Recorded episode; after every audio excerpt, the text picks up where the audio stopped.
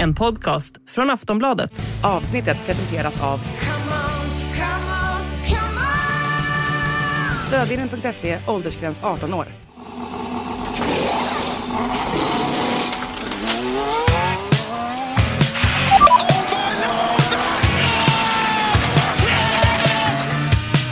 That's for all the kids out there who dream the impossible.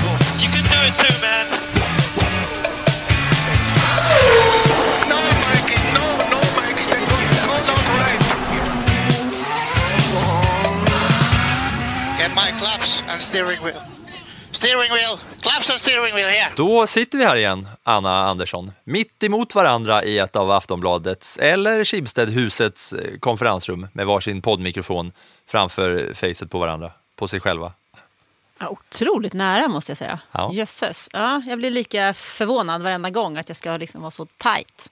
Vi, det är ju eh, inte många gånger som vi träffas, men de här senaste veckorna så har det ju blivit eh, en rad poddavsnitt där vi faktiskt eh, är i samma rum. Vilken jävla lyx. Ja, verkligen. verkligen. Och idag kan det vara extra bra, för här ska det redas ut gamla grejer. Gamla och spännande grejer, otroliga skandaler skulle jag vilja säga. Eh, de här gamla grejerna som eh, vi ska prata om idag, det är alltså Crashgate 2008. Året som jag tog studenten och året som du bevakade Formel 1, Crashgate, Singapore, Fernando Alonso, Flavio Briatore med Ja. flera. Ja, alltså det där, och att förstå det här. Alltså Crashgate skulle jag ju säga är en av de största skandalerna som Formel 1 överhuvudtaget har varit inblandad i. Och för, för att förstå den så måste vi faktiskt gå tillbaks till året 2007. Det vill säga innan du stod, tog studenten och jag hade en ettåring hemma. Men eh, bara, bara så här, F1-sportens största skandal. Det här har ju jag, trots att jag brydde mig mer om att eh, dricka sprit och eh, ha fest och sånt när jag skulle ta studenten, så var jag tillräckligt sportintresserad för att de där krokarna, nu var det ju 2008 som själva incidenten, men det blev ju stort där eh, året efter, Crashgate, när alla de här sakerna som vi ska prata om, när det kom upp till ytan. Men det har ju liksom funnits med, Crashgate, som en av sporthistoriens största skandaler och inte bara Formel 1. Nej, men det, är ju, det, det är en skandal som innehåller så mycket. och På det sättet som den genomfördes så blev den ju så stort. Eh, och sen så just det här att det hände i den 28 september 2008. Men det var ju inte förrän i augusti ett år senare som skandalen egentligen uppdagades och då i samband med sommaruppehållet för Formel 1. Så man hade ju inte så mycket att skriva om de där veckorna och då smällde det till under augusti-september 2009. Jag vill bara bolla upp några andra stora skandaler i världshistorien för att när man söker på Crashgate, alltså den här stora, då är det många som har den som en av de största någonsin och då plockar jag bara upp några andra som jag har i huvudet som jag liksom tänker på när jag tänker på sportskandaler. För även om inte jag följde skitmycket Formel 1 de här åren så har jag liksom vetat om Crashgate som sportintresserad. Och jag bollar bara upp Tonya Harding, Nancy Kerrigan, stor skandal, konståknings... Oh, järn, järnröret. Ja, exakt. När den ena skulle slå av den andra knäskålarna inför OS någonstans. Sen Det var var, en, det var i Lillehammer.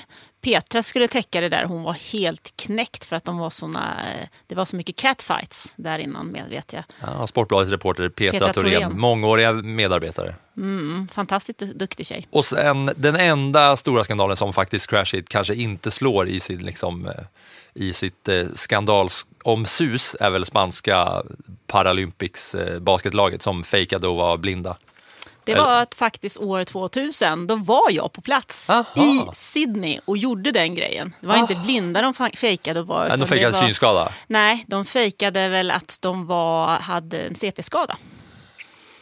Ja. Och efter det så fick inte de med den typen av eh, funktionsvariationer vara med i Paralympics. Så det var en jätteskandal.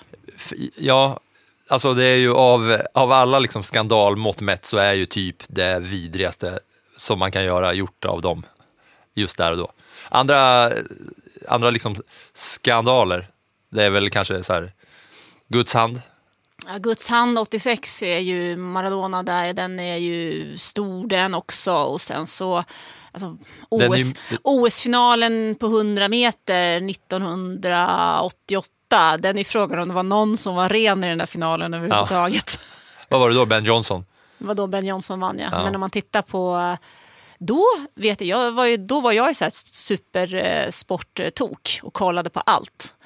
Eh, Och då när man tittade så tyckte man ju inte att det var så himlans konstigt, för alla såg ut så där. Men nu i efterhand, när man går tillbaka och tittar så tänker man ju shit, vad hade de stoppat i sig egentligen? Och sen finns det ju ett par skandaler eh, under Tour de France också med eh, Jan Ulrich Ja, och Lance Armstrong framförallt om man ska och snacka, Lance Armstrong, ja båda två. cykel. Ja, Team Telecom där hade ju en buss med sig. Mm. Ehm, ja, Ja, nej, men det finns ju en del skandal, eh, skandaler på senare år. Deflategate med Tom Brady kanske och sen eh, eh, om man ska snacka systematiska där, där eh, hjärnor ligger bakom så är det väl Sovjets eh, liksom, statsfinansierade doping på, apropå cykling och eh, dokumentären Ikaros. Har du sett den? nej. Den är jäkligt bra. Det, den börjar ju med en kille som håller på med cykling. Han liksom tävlingscyklar på amatörnivå. Och han tränar som en dåre och sen så blir han då, han funderar så mycket på hur kan de här andra vara så himla mycket bättre än vad jag är? För jag, jag tränar så bra, jag har så bra grejer, jag har så jävla bra kondis, men hur mycket han än kör så är det omöjligt rent fysiskt för honom.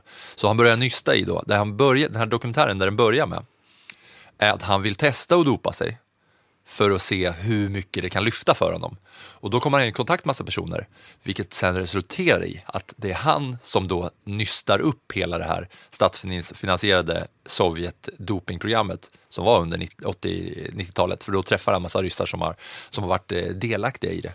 Och sen blir det ju världens hela grej. Så den, ni som lyssnar, och du Anna, om ni inte har sett den så är den jättesevärd. Mm. det där är ju ett, en, en, alltså hela den doping, dopningsskandalen som fanns i både Sovjetunionen och även DDR är ju... Alltså den har påverkat så otroligt många människor. Jag har ju jag säga, årsbarn som jag har spelat handboll med i Tyskland eh, som kommer från den eh, de har spelat i DDR och gått på sportskola och deras historier är ju ja, inte riktigt vad vi har på våra sportskolor eller idrottsgymnasium här Annorlunda. kan vi säga. Men nu ska du äntligen få sätta tänderna i Crashgate och förklara, 2007. förklara för våra läsare. Jag ska avbryta dig en gång till innan du får börja. För att vi har faktiskt, när jag har gått igenom lite gamla avsnitt och sådär, framförallt vilka eh, bilder jag har gjort för att lägga ut på sajten. Vi har nämnt eh, Crashgate, men i ett litet miniformat i avsnitt 26. Då eh, bjöd du då på uppstuds bara en miniversion av Crashgate. Men då pratar jag om att det här förtjänar ett helt eget avsnitt. Och nu är vi här. Så den som har lyssnat hela vägen från avsnitt 26 till ja, vart vi nu än är idag i avsnittsnummer. Nu ska ni få höra en av sporthistoriens största skandaler. Nu är det dags att lära sig om Crashgate.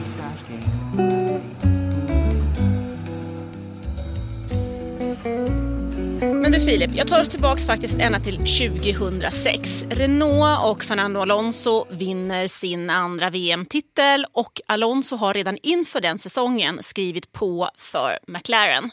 I september 2006 så gör McLaren också klart med sin andra förare och det är en ung grabb som heter Lewis Hamilton. So, some of us know him by now. Mm, typ. Eh, då var han väldigt okänd och McLaren ville liksom inte tala om att de hade signat honom från GP2 som det hette då för att i den här vevan så avslutade också Michael Schumacher sin karriär så man ville liksom inte att deras nya förare skulle överskuggas av den största någonsin så att säga. Så till 2007 så kör alltså då Fernando och eh, Lewis i samma team. Det är en dubbel världsmästare och en debutant. Och de här eh, världsmästargrejerna, det var alltså Alonso i Renault. Båda gångerna. Och de hade varit borta från F1 länge innan de kom tillbaka. De, eh, de är ju ett team som har varit lite fram och tillbaka. Som namn Renault. Absolut, de har ju varit, eh, haft, varit motorleverantörer vid delar men här var de alltså sedan 2002 ungefär så har de väl varit tillbaks. Om jag inte har missar på årtalen där. Men Alonso kom i alla fall till eh, Renault som testförare 2002 körde sitt första säsong 2003. Men i alla fall 2007 så kör då Alonso och Eh, Hamilton tillsammans hos McLaren. Och det funkar ju inte alls. Hamilton är ju alldeles för bra för Alonso. De håller inte sams, det här är nästan värt ett avsnitt det också. För att, Ja. nej, men de, de håller inte sams. De Det blir- stora rivaliteterna. Ja, men det blir stjärnornas krig, de bråkar på banan, de bråkar utanför banan. Eh, I Ungern så parkerar verkligen Alonso bort Hamilton i depån. Liksom. Men det man ska komma ihåg då, alltså bara för att sätta det i perspektiv till någon som kanske har kommit in de senaste åren här, är ju Alonso är ju alltså dubbel världsmästare i teamet som har tagit dubbla konstruktörstitlar. Det är som om Max Verstappen nu då, Ja, fast det är ett annat team. Det är som om Verstappen, ja, skulle byta team. ja, det är som om Verstappen skulle byta team. Ja, efter sina två år i, som eh, världsmästare i Säg Red att, Bull. mm, säg att han går från Red Bull till McLaren där Ja. han blir kollega med Piastri Ja. till nästa år. Ja. Och Piastri är så pass bra att han tar en pallplats i premiären. Han vinner lopp under det första året och de är med och slåss om VM-titeln. Ja, så, så där kommer man man, man ska förstå Storleken i detta. Ja, och hur stor Alonso var då. Mm. För man kanske lyssnar på det här och tänker, ja men Alonso bla bla bla, han har inte vunnit på länge. Men här var han ju störst av dem alla. Nej, det var hans prime time. Men det slutar ju med att han och McLaren kommer överens om att eh, avsluta samarbetet. Det funkar inte. Han, eh, det finns en annan gate under det här året som kallas för Spygate. Där Alonso till och med vittnar mot sitt eget team, McLaren. Eh, och den historien behöver vi inte heller ta nu. Men de avslutar sitt samarbete. Alonso går tillbaks till Renault. Jag träffade faktiskt honom i Paris inför den säsongen. Vem av dem? Eh, Alonso. 2008 de presenterade den här bilen. Det var eh, i, eh, i Paris. Eh, Nelson Piquet Jr som var hans teamkollega där. Han är då son till trefaldig världsmästare och var otroligt eh, nätt och försynt. Alonso förhållandevis kaxig. Han ska ju alltid vinna. Det är ju alltid hans syn inför en säsong. Så. Ja, men då särskilt då. Ja, ja, så, så var det ju den. Och han ville absolut inte prata om det som hade hänt med McLaren, utan den tiden, liksom, äh, det var förbi, nu är det nya, tan- äh, eh, nya tankar, nytt sätt. äh, jag har bara lärt mig massor och nu ska vi vinna igen. Problemet då är ju då att Renault 2008, där teamet styrs av Alonsos manager Flavio Briatore. Flavio Briatore. och Och Briat- en till eh, skurkgubbe va? Ja, om man, om man kallar honom för skurkgubben. Numera jobbar han för Fia, eller för Ah, F1. ah. Pat Simmons, Ja, eh, som, som, stavar var med. Simons. För jag har Precis. Mm. hört det där Simons och försökte eh, ta reda på honom, så hittade jag det på Simons. Precis, han var teknisk direktör.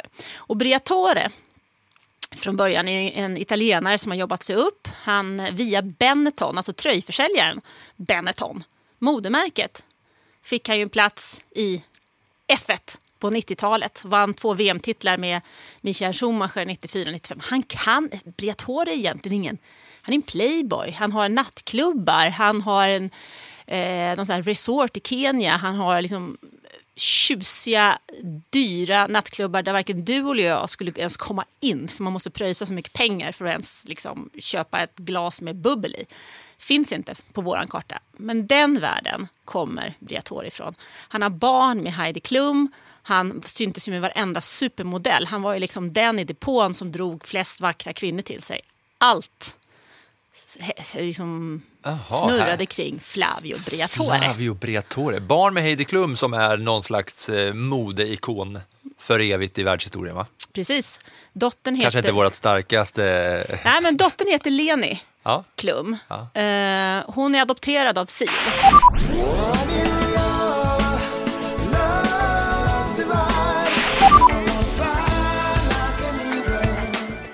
För Flavio Briatore och Heidi bröt under eh, Heidis graviditet.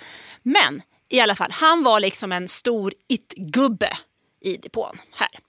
Och de har då ett team, han har vunnit, de har vunnit två VM-titlar, Alonso kommer tillbaks och säsongen 2008 blir ju inte alls så som de hade tänkt sig.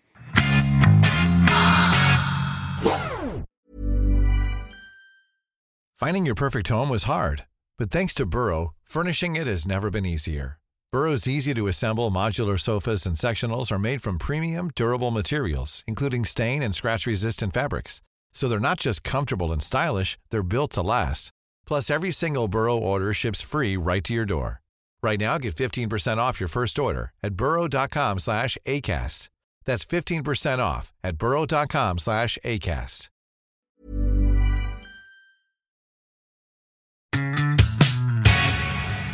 Då är vi uppe på 2008 och säsongen som startar sisådär för Renault. Ja, de vinner ju ingenting och vi har kommit fram till september. Det är, ska köras det första kvällsloppet någonsin på Marina Bay Circuit, det är säsongens femtonde lopp. Det är en fight mellan Lewis Hamilton och Felipe Massa 2008. Eh, Renault har liksom ingenting med totalen att göra. Och man förbereder sig då för det här loppet i Singapore. Alla vet ju vad ett stadslopp innebär. Och i och med att det här är det första kvällsloppet i historien så har man liksom byggt upp 1600 strålkastare som placeras ut var fjärde meter på den här fem kilometer långa banan.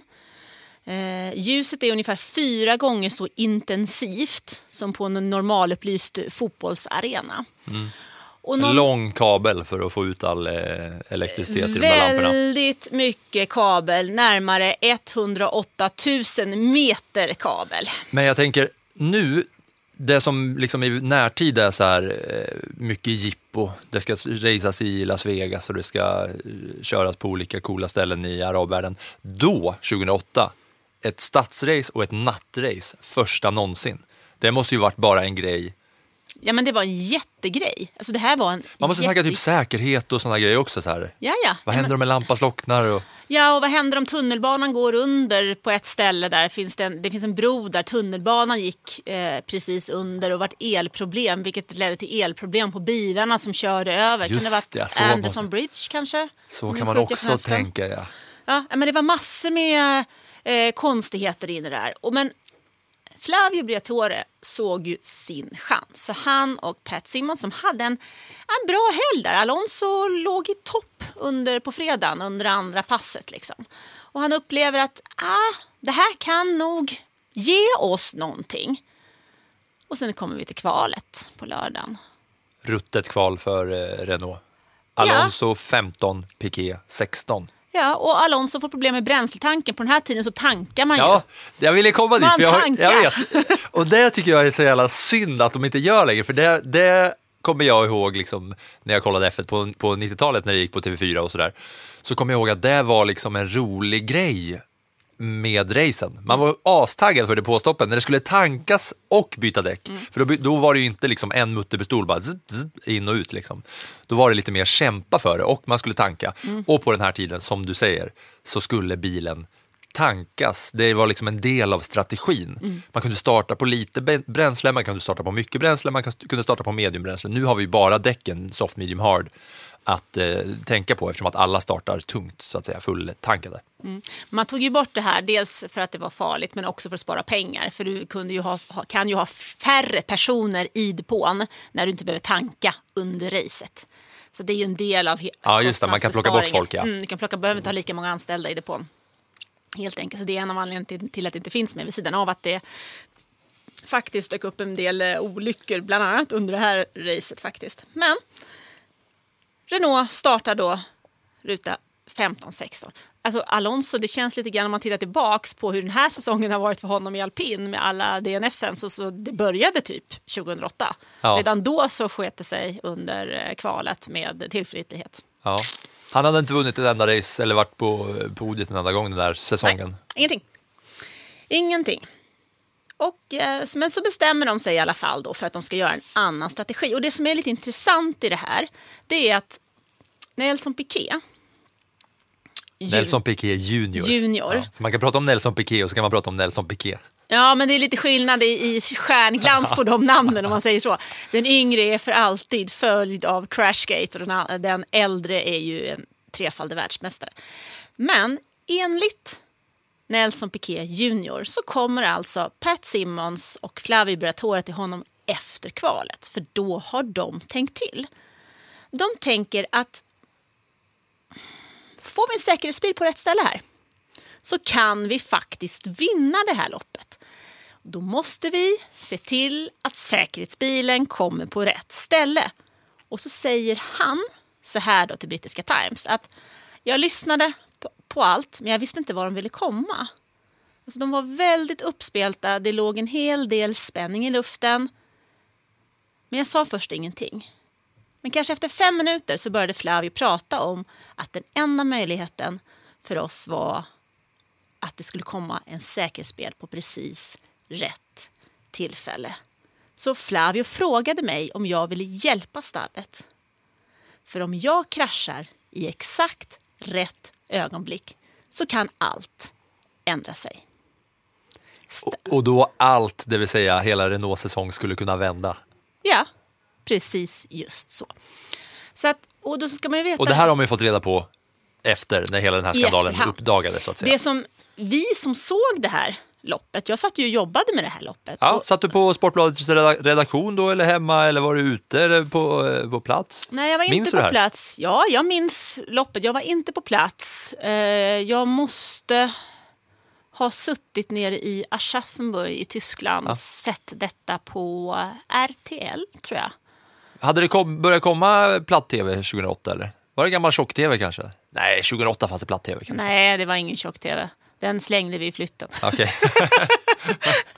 Den var så himla tung. Nej, men eh, eh, då, då var det ju så att Alonso var ute på en otroligt otroligt ag- aggressiv strategi. Han startade långt bak och hade nästan inget bränsle alls. Vilket var uppseendeväckande Ja, det var, för den tiden. Liksom. det Det var var väldigt annorlunda. otroligt uppseendeväckande. Men det var ju hans chans. För man pratade mycket om, kan det komma en säkerhetsbil eller Ja, men när ska den i sånt fall komma? För det är så trångt och det är så små kurvor. Det har ju aldrig gått något F1-lopp på den här banan innan. Han startar med en lätt bil och går in i depå på varv 12. As in comes Alonso. He did go aggressive. It didn't really count for much, and now he's going to slip back behind all the traffic. A lot of cars that are going to be heavy with fuel, and Alonso gets the sinking feeling. Long middle stint for him. Yeah, James, it was worth the go, but Pat Simmons deciding that that's it. That's probably the end of the three-stop experiment, and it was down to those soft tyres. They they faded, they grained quite considerably, and Alonso radioing back saying the car was a right handful. So Pat Simmons, we think, took the decision then to switch him back on a two-stop. He doesn't want to get burned again and maybe take advantage of a later safety car. Och jag minns så väl hur liksom de tyska reportrarna då ifrågasatte. Därför att mot honom under den här tiden så tävlade bland annat Nico Rosberg i en Williams. Eh, och eh, när Alonso går in i depå så, så funderar man ju hur ska, ska, ska loppet gå och vad kommer att hända och varför tar man det här beslutet och varför gör man det så här så tidigt? Det kan ju vara ett lyckokast och det kan ju också vara helt förödande för resten av loppet. Och så hände ju det som skulle hända då på varv 14. Ja, jag vill bara, när han går in där och, på varv 12, från att ha varit tom på bränsle, han skulle ju ha en lättare bil som var enkel att göra många omkörningar med. Ju. Men han fastnar ju i fältet, han kommer ju ingenstans med den, där, eh, med den där lätta bilen som egentligen borde ta honom längre upp Men i det var ju fältet. för trångt. Eh, På, på den där stadsbanan ja, så han går in i depån och där tankar han på utav helvete. Där tankar han på ut av bara 17. Så när han kommer ut på banan, Längst bak av alla. ja ja såklart, eftersom han har gått först i depå, så kommer han ut längst bak. Men han har gjort sitt depåstopp. För att då när, för han var, eh, när Nelson Piquet på varv 14 sätter sin bil i muren, då vet vi inte att han medvetet sätter sin bil i muren. Men det ser vansinnigt märkligt ut. Oh, big crash! That's Nelson Piquet. And that is likely, I would have thought, to bring out a safety car. Is it? It's off the line. There's, uh, there's the situation. It's a difficult place to recover a car from. The critical thing is, is he okay? Och bilen stannar ju på ett sånt ställe så att det är ju helt omöjligt att få bort den utan en säkerhetsbil. Kurva 17. Och vad vi, precis, och vad vi då ska lägga till detta är ju dessutom att på den här tiden så var det så att när racet neutraliserades så stängdes depån. Mm. Och det tycker jag också, när man kollar tillbaka på så här historiska händelser som det här, de, det är så stora regelskillnader. Depån stängs under säkerhetsbil så ingen får gå in då. Och just då, de här, han, eh, Alonso går in i depån, två varv senare kraschar eh, Nelson Piquet Jr i kurva 17. Och då är det bara Alonso som har gjort depåstopp. Mm. Och alla bilarna som är där framme har också passerat depårakan. Så de har inte möjligheten att dyka in då precis innan, liksom, alltså i, direkt i samband med smällen. Nej, det har de inte. Det som händer, i, i, i slut, det som händer också är ju att Nico Rosberg är ju i depå där. Eh, han kommer in i depån och han tankar fast han får inte. Så han får ett straff på 10 sekunder. Därför det var så himla... Och han körde då för Williams. Rosberg also in. Will he fuel because he has to? Yes, he will. That's a penalty. This is the critical thing now in this race. Anybody who is due a pit stop is going to be really sweating. They're going to have to come in and take a penalty. Och det som händer är ju att när säkerhetsbilen kommer in ehm, så när den, och ah, depårakan öppnar igen så kan ju de bilarna som går i depå gå ju in, men de går ju alla in efter Alonso. Så de enda bilarna som han har framför sig är ju de som, som inte har varit i depå. De som väljer att stanna kvar, ja, för de måste gå in så, sen. att, så att han eh, kan ju bara ligga kvar där i lugn och ro. Han gör ett depåstopp till. Men det finns ju ingen som kan hota honom. It seems to me Alonso is effectively going to be leading the Grand Prix, isn't he? He's certainly the one in the strongest position. He must be smiling after all the frustrations he's had so far. Meanwhile, of course, Alonso has the luxury of knowing that his first stint was on that uh, high wear tyre, so he doesn't have the pain to take. He's already taken it. He will be able to put on another set of the harder tyres, and that will make him uh, very competitive in the closing stages. So it's looking really good here for an Alonso victory. Och det blir ju långa, det blir ju liksom, eh, sett till dagens, om vi ska relatera, det blir ju, det blir ju långa köer alla Carlos Sainz och Charles Leclerc i Monaco. Där men- det blir ja. dubbelstopp och alla ska tanka så det tar ju längre tid. Och, Ja, och sen så händer lite grejer där. Bland annat så vet jag ju att, att eh, det var Ferrari får ju problem med tankslangen. Så massa kör iväg med tankslangen i bilen. Och de, de kutar liksom efter honom och han stannar precis då vid, innan han ska ut på banan så de får loss den där. Så det händer lite såna där grejer också. Så allting på något sätt rullar ju Alonso och Renaults väg. Han tar säsongens första seger. Och han är så otroligt glad och säger då på prispallen att eh, jag hade svårt eh, att tro det här. Jag behöver nog ett par dagar och eh, smälta det. Men, men vi startade långt bak och fick lite hjälp av den här första säkerhetsbilen. Fernando Alonso coming through to take the checkered flag and claim a very, very well deserved victory in Formula One's first ever night race. Well done, Fernando. Fantastic drive. Well done. Perfect. Well done, guys. Well done. Super car all weekend. Bad luck yesterday, good luck today. But good car everywhere. och så säger han även efter, det här blir ett historiskt race för Formel 1. Mm. Ordagrant så säger han exakt så. Och de har inte haft ett enda podium, alltså Alonso har inte haft ett enda podium. Renault har inte vunnit sedan 2006. men Japan han- 2006 vid det här tillfället. Sen ska du dock komma ihåg att nästa race efter detta är Japan och det vinner Alonso också.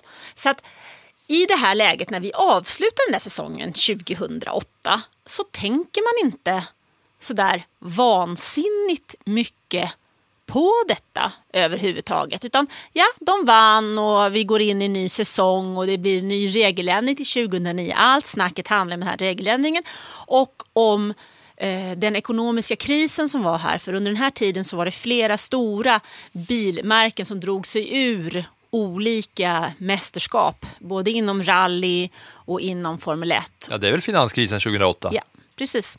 Så det var ju väldigt mycket annat prat där. Bland annat så är det ju det här läget som Honda säljer sitt F1-team för en pund till eh, Ross Braun när han bildar Braun GP. Så startar vi säsongen 2009. Ingen tänker mer på Singapore. Och första delen av den här säsongen då, 2009, är ju Renault, sk- ska vi säga urusla? Mm, det, det är okej att säga. Alltså Nelson Piquet Jr, han tar inte en enda poäng fram till sommaruppehållet. Ja, Alonso har då tagit 13 poäng och Piquet Junior har noll. Jag vill bara återigen sätta det här i ett dagligt perspektiv. Det är ju som om då till exempel Mercedes, som har varit ett världsmästarteam tappar och sen bara ett par år senare har, har noll poäng. Tänk att det liksom Hamilton skulle ha 13 poäng och eh, Russell noll poäng, eller tvärtom. Ja, fast du måste ju tänka här också, på den här tiden så fick man inte lika mycket poäng som man Nej. får idag. Man fick bara poäng, det var bara de åtta främsta som Ja. fick poäng på den tiden. Så att riktigt lika illa är, är det inte, man kan inte jämföra, men det är ju som att eh, ett stort ras. Om Mercedes hade fortsatt så som de gjorde under början av säsongen, ja, så kan vi säga. Mm. Den jämförelsen tycker jag håller absolut. Men vad händer med Piquet Junior som har tagit noll poäng då? Ja, han får sparken. Och när han får sparken så berättar han vad det var som hände. Han eh, pratar med en eh, tv-sändare, eller tv-kanal heter det väl, från eh, Brasilien.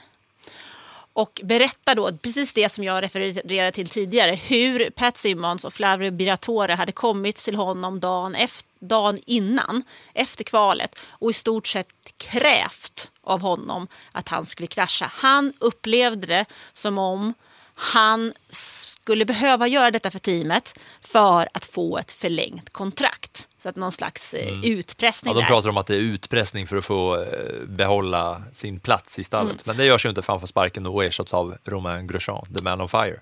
Precis.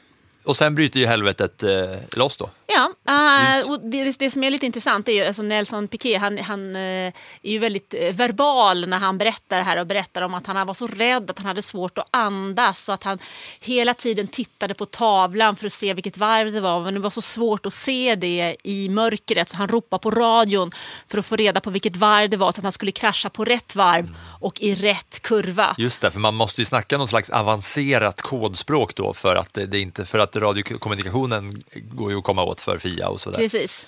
Så att, eh, och så berättar han att när jag körde in i chikanen på varv 14 så drog magen ihop sig. Det var som en mardröm, säger han till Times. eh, Men också, också lite så här, det måste ju också vara ganska lite så läskigt att krascha. För man, det är ju inte som att krascha en personbil i en rondell när man kör i 30.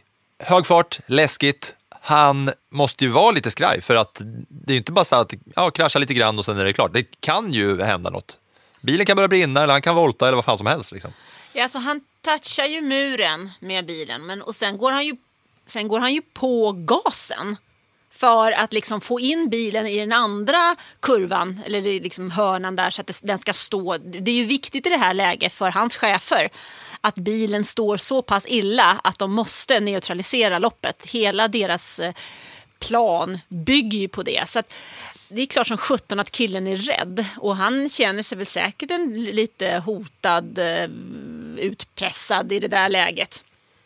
Ehm, och den här historien liksom, den eh, når ju sin kulmen, det här är i början av augusti och sin kulmen når den i september 2009, liksom ungefär ett år efter det att eh, det inträffat. Och Fri, FIA, det internationella bilsportförbundet, de, de frikänner Alonso för att han inte haft någon vetskap om de här planerna. Och de frikänner ju Piqué för att han har suttit i den, situationen som han har suttit, plus att han är någon slags huvudvittne.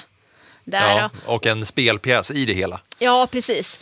Eh, och, De går ut och säger vi ska titta på det, vi ska starta en investigation. mm, men det gör de ju. Och samtidigt så svarar ju Renault med att ge Briatore och Simons eh, sparken.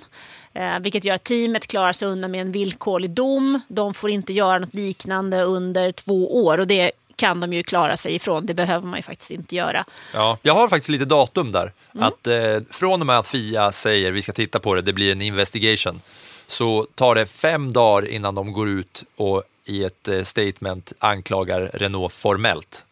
Sen eh, 10 september så kommer Piqué med fler uttalanden. 15 september så eh, går Renault ut med ett statement där de säger att eh, eh, ja, bla bla bla. De kommer inte motsätta sig de här anklagelserna från, eh, från Fia och sen att eh, både Briatore och Simons drar därifrån. Och sen så 21 septem- september, då ska det vara stormöte. Fia World Motorsport Council. Och det är efter det där mötet 2009 som Briatore stängs av forever och de andra avstängningarna kommer. Mm.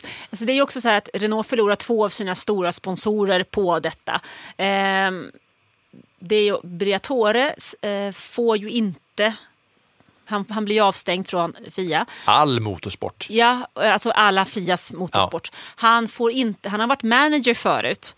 Eh, det får han inte heller vara för de förarna som han har i sitt stall får inte den superlicensen som krävs för att köra eh, i Fias VM-serier, eller framförallt då Formel 1.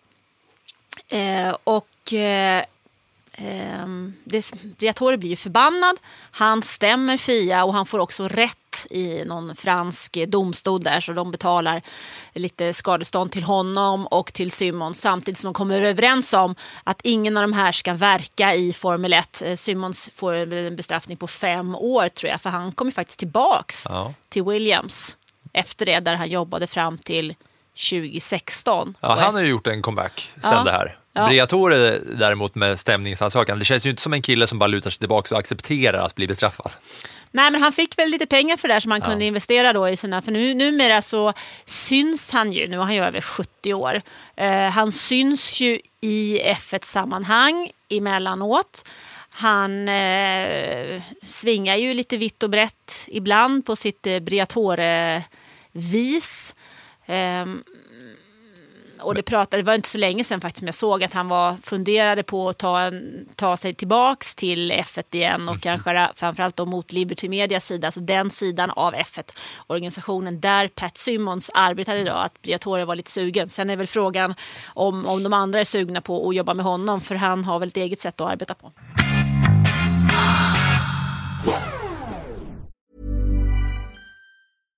Finding your perfect home was hard, but thanks to Burrow, furnishing it has never been easier. Burrow's easy to assemble modular sofas and sectionals are made from premium, durable materials, including stain and scratch resistant fabrics. So they're not just comfortable and stylish, they're built to last. Plus, every single Burrow order ships free right to your door. Right now, get 15% off your first order at burrow.com slash ACAST. That's 15% off at burrow.com slash ACAST.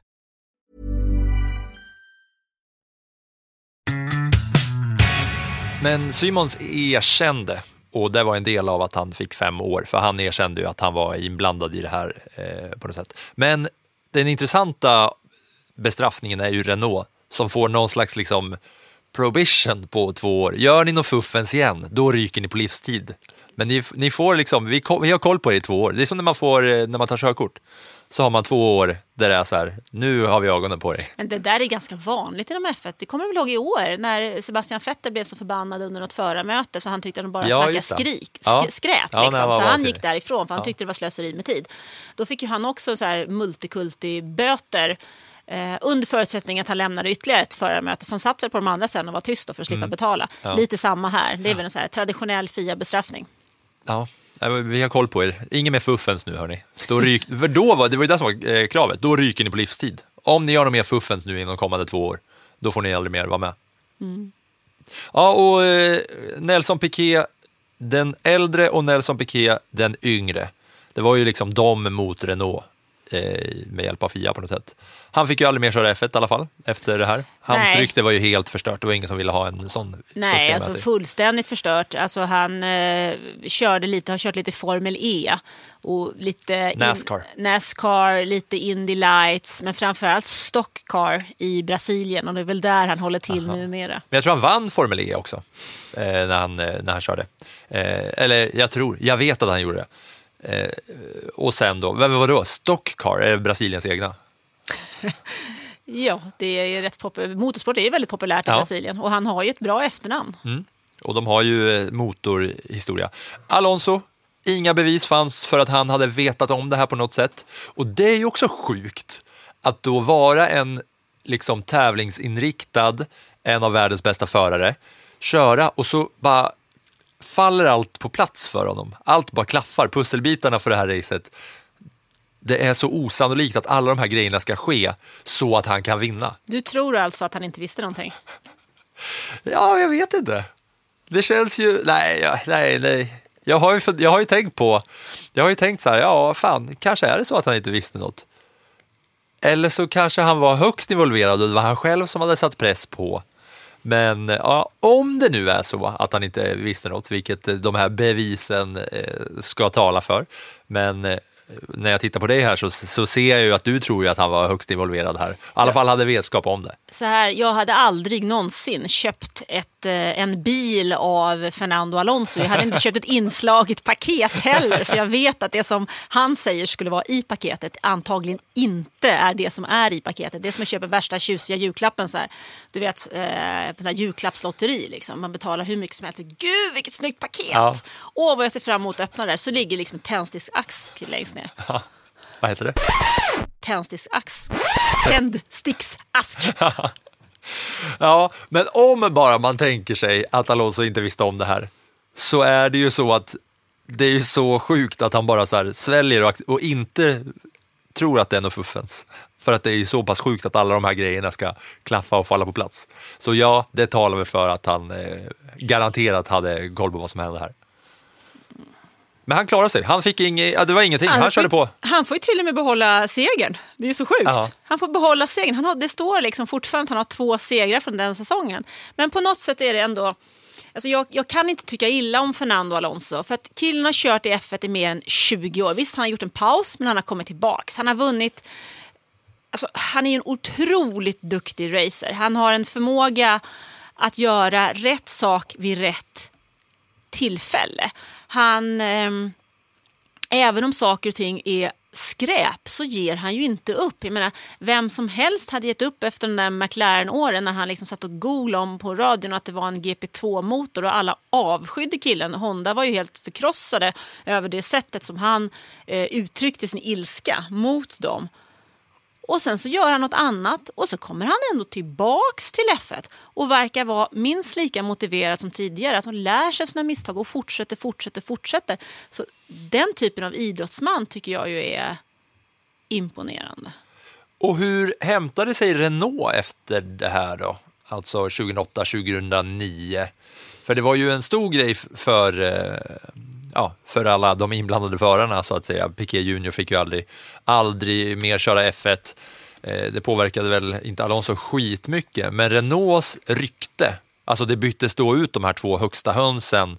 Så eh, vad hände med Renault där efteråt? Från att ha varit på den absoluta världstoppen med dubbla konstruktörstitlar och, och mästerskap. Alltså efter säsongen 2009 så flyttar ju Fernando Alonso till Ferrari. Um, och Renault återhämtar sig ju egentligen aldrig riktigt. De körde ju både 2010 och 2011 som under namnet Lotus Renault. Och sen så försvann ju själva Renault-teamet från F1. Då hette de ju Lotus, det gjorde de när Kimi Räikkönen körde för dem. Eh, bland annat. Man var ju fortfarande motorleverantör, men man var ju inte ett fabriksteam. Och sen kom ju Renault tillbaks 2016 som eh, Renault Sport Formula One Team. Och de fortsatte ju fram till dess att de blev alpin. Så alpin, som ju är namnet på en, en sportbil, ett sportbilsmärke inom Renault-familjen, så att säga, har ju fått ta över F1-teamet. Så att det är alpin som Alonso körde för nu, eh, är ju det egentligen det gamla Renault-teamet. Så han har liksom varit Renault, gått, kommit tillbaka, gått och sen kommit tillbaka fast under annat namn. Då, ja, men alltså, han kom ju tillbaks faktiskt när han fortfarande hette Renault. Han kom ju tillbaks som sin eh, timeout där till Ja. det som, som faktiskt hette Renault. Det var ju de han skrev på för. De Liksom. svartgula bilarna och Cyril som styrde teamet. Eh, ja, så att Fernando Alonso och Renault har ju haft en väldigt, väldigt lång Det är ju sådär, du vet, som en sån här gammal gammalt ex liksom. Som Ja. man har en eh, känsla för att man Alltid full rebound. Eh, Möjligheterna finns alltid om man, man- eh, man om man är ett, liksom ett att- svagt moment i livet. Man har några, några promille innanför ärmen så kan man alltid höra av sig och den andra tar emot med öppna armar. Ja, men lite... Destruktivt helvete, men en mysigt i stunden. Ja, men det känns väl lite så att det är där som, som eh, Alonso och Renault, den relationen som de har haft här på slutet. Även om han, han har ju fortfarande en tät eh, relation med Flavio Briatore om jag har förstått det hela rätt. Eh, och nu går han ju vidare då till eh, Aston Martin till nästa år. Så att Alonso finns ju kvar. with a fantastic drive. Yeah, fantastic. Uh, first podium of the season and first victory as well, and uh, you know, extremely happy. You know, I cannot believe it right now. I think I need a couple of days to to realize that uh, we won a race this year. Uh, it seems impossible uh, all through the season to be closer to the top guys. And here, certainly, we've been competitive from Friday. As you said yesterday, unlucky in qualifying, and uh, today very lucky in the race. Obviously, we start at the back, and uh, the first safety car, I think, helped me uh, a lot, and I was able to win the race. Crashgate 2008, Flavio Briatore, Pat Simmons, Nelson Piquet Jr, Nelson Piquet Senior, Fernando Alonso. Det är liksom huvudpersonerna i en av sportvärldens största skandaler och överlägset F1s största skandal, eller? Ja, det finns Spygate? Ju, ja, det finns ju några stycken, men personligen tycker jag ju att den här är, Crashgate är större för att det är så beräknande att på något sätt liksom eh, pressa en ung förare till att krascha. Alltså det kan vara farligt. Det kan få enorma konsekvenser för hans hälsa och någon annans hälsa. Det är inte bara att sätta bilen i muren. Liksom. Eh, och det sättet som man utövar sin makt på i det där läget och medvetet manipulera. Eh, det finns många, många gråzoner som de flesta av F1-teamen har varit inne på under årens lopp. Herregud, Formel 1 har pågått sedan 1950. Det är en stund. Liksom. Så det är klart att det finns mycket gråzoner och, och, saker som man kan diskutera. Men det här är på något sätt det här är riktigt fult. Alltså. Och så kanske det finns en del som inte har kommit upp till ytan från de gamla 50-60-tals-racen eh, kan man gissa på. Också. Du, det kan nog hända även under, har hänt även under 90 90-talet och 2000-talet som vi inte vet om idag. Men den här, den här är på något sätt så Ja. Nej, manipulerande ful tycker jag. Just så här krasch, att krascha med flit så tänker jag på Senna versus Prost som eh, också kommer vara ett eh, specialavsnitt någon gång i Plattan i mattan framtiden där de två krigade om eh, F1-segrar mellan varandra. Men jo, men det är ju på ett sätt, där slåss ju de om en VM-titel. Ja. Det handlar ju om revansch och sådana saker och det är två förare vi pratar om. Det är lite som Max mot Lewis eh, om vi tänker på Silverstone eh, i fjol eller Monza. Medan det här är ju teamledning mm. i maskopi som utövar press mot sin egen förare för den andra förarens vinning ja. på något sätt. Och det tycker jag nästan är, det är ju ytterligare en nivå. Ja, det var ju en del av liksom den officiella uttalandet att för att ha konspirerat var ju där de åkte på. Men hörni, det här hoppas vi att ni har njutit av och att ni har lärt er ett och annat. För det har jag gjort, vilket jag gör varje vecka när jag sitter och pratar med dig Anna. Så eh, Crashgate, ta med er det här i eh, F1-bagaget och så hörs vi vidare framåt. Tack för att ni fortsätter att lyssna och tack för att eh, du lyssnat första gången, om du har gjort det, du som lyssnar. Tack för idag.